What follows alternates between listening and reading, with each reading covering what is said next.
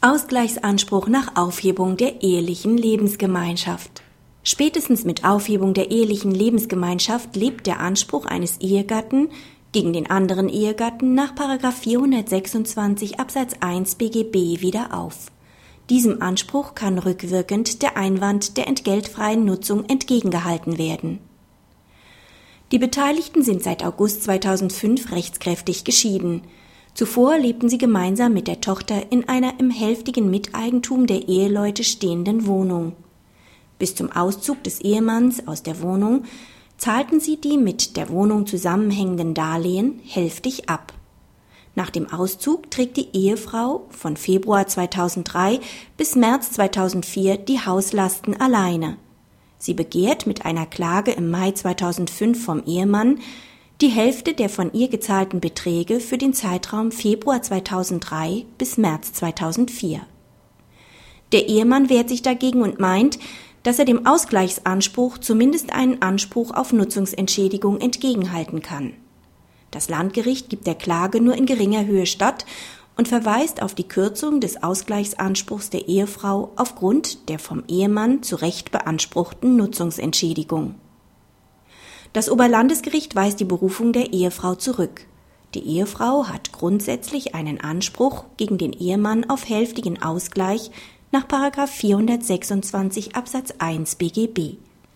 Spätestens mit Scheitern der ehelichen Lebensgemeinschaft lebt ein Anspruch nach 426 Absatz 1 BGB wieder auf.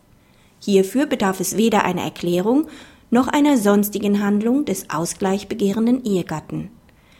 Der das Darlehen alleine zurückzahlende Ehegatte hat nach Aufhebung der ehelichen Lebensgemeinschaft im Zweifel keinen Anlass mehr, dem anderen Ehegatten eine Vermögensvermehrung zukommen zu lassen.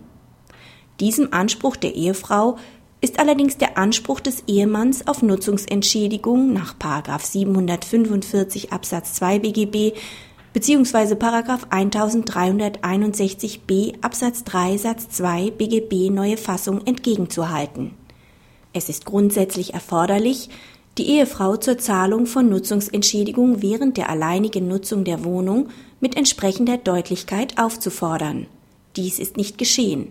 Andererseits hat die Ehefrau die Immobilie selbst genutzt, die Kosten getragen und während der Nutzungszeit nicht zu erkennen gegeben, dass sie Gesamtschuldnerausgleichsansprüche verfolgen wird.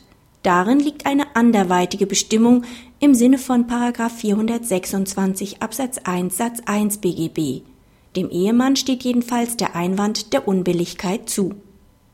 Praxishinweis Gesamtschuldnerausgleichsansprüche nach 426 BGB scheiden aus, wenn das Darlehen für die Finanzierung einer in Miteigentum stehenden Immobilie nur von einem Ehegatten, zum Beispiel bei dessen Eltern, aufgenommen wurde.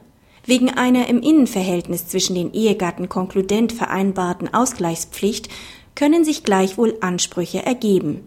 Diese Ansprüche gehen solchen wegen ehebezogener Zuwendungen vor und sind durch den Zugewinnausgleich nicht ausgeschlossen, sondern als Aktiv- bzw. Passivposten bei dessen Berechnung einzustellen